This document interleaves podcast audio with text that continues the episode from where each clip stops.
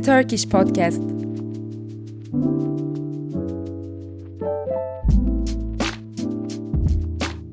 Herkese merhaba. Easy Turkish Podcast'in yeni bölümüne hepiniz hoş geldiniz. Bu bölümümüzde sizlere dünya gündeminden haberleri yavaş bir şekilde aktaracağım.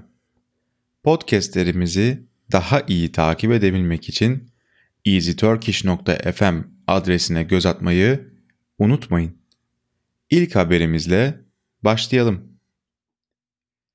NBA'de 2023-2024 All-Star karşılaşmasında yer alacak oyuncuları belirlemek için yapılan taraftar oylamasının ilk sonuçları geçtiğimiz hafta gelmişti.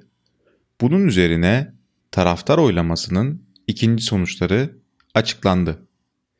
Bir önceki oylamada Batı Konferansı uzunları ve forvetlerinin arasında 7. sırada yer alan Alperen Şengün bir sıra daha yükseldi. Toplamda 1 milyona yakın oy alan milli yıldızımız 6. sıraya yükseldi. Fransa Cumhurbaşkanı Emmanuel Macron kabinede eğitim bakanı olarak görev yapan 34 yaşındaki Gabriel Attal'ı yeni başbakan olarak atadı. Ülkede tartışma yaratan göç yasasının kabul edilmesinin ardından çıkan siyasi kriz sonrası istifa eden Elizabeth Borne'un yerine getirilen Attal, Fransa'da en genç ve aynı zamanda eşcinsel olduğunu açıktan ilan eden ilk başbakan oldu. Hafta başında Japonya'nın Ishikawa eyaletinin merkezinde meydana gelen 7,6 büyüklüğündeki depremde ölü sayısının 126'ya yükseldiği ve 200'den fazla kişiden hala haber alınamadığı bildirildi.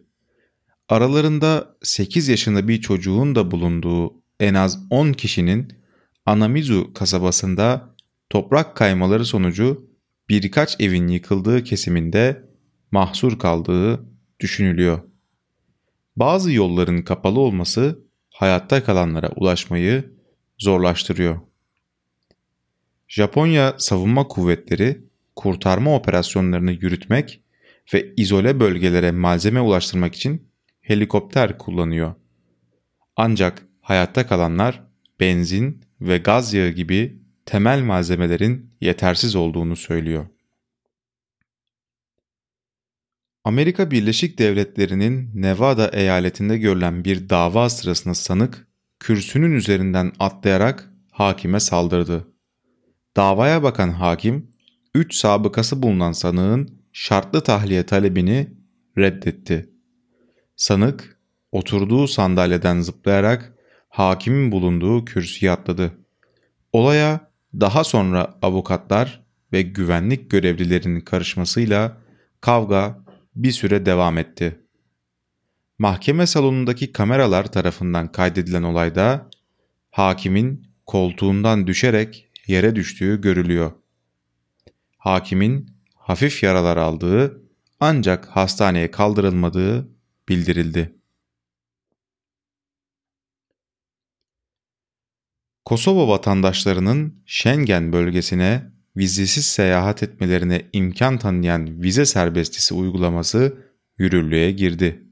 Karar, Kosovalıların Avrupa Birliği'nin sınırsız bölgesine 90 güne kadar vizesiz girebilmelerine olanak sağlıyor. Reform, 2008'de bağımsızlığını ilan eden Kosova'nın Avrupa Birliği'ne katılma hedefi önünde önemli bir adım olarak görülüyor. Yunanistan Başbakanı Kyriakos Mitsotakis dün devlet televizyonu ERT'ye gündeme dair değerlendirmelerde bulundu. Türkiye ile Yunanistan arasındaki ilişkilerin son dönemde normalleştiğini belirten Mitsotakis, Türk turistlere 10 adaya girişte vize kolaylığı sağlanacak uygulamanın Mart'tan itibaren başlayacağını söyledi. Mitsotakis, 10 ada anlaşmadan hem tüm ilkbahar hem de tüm yaz boyunca faydalanacak ve bu anlaşmanın sürekli olacağına inanıyorum, dedi. Türkiye ile Yunanistan arasındaki ticaretin artırılması için iki ülke arasındaki diyaloğun geliştirildiğini ifade eden Miçotakis, düzensiz göçmen sorununun da iki ülke arasındaki işbirliğinin geliştiğini ve önemli olduğunu söyledi. Bir Easy Turkish Podcast bölümünün daha sonuna geldik. Bir sonraki bölümde görüşmek üzere. Kendinize çok iyi bakın.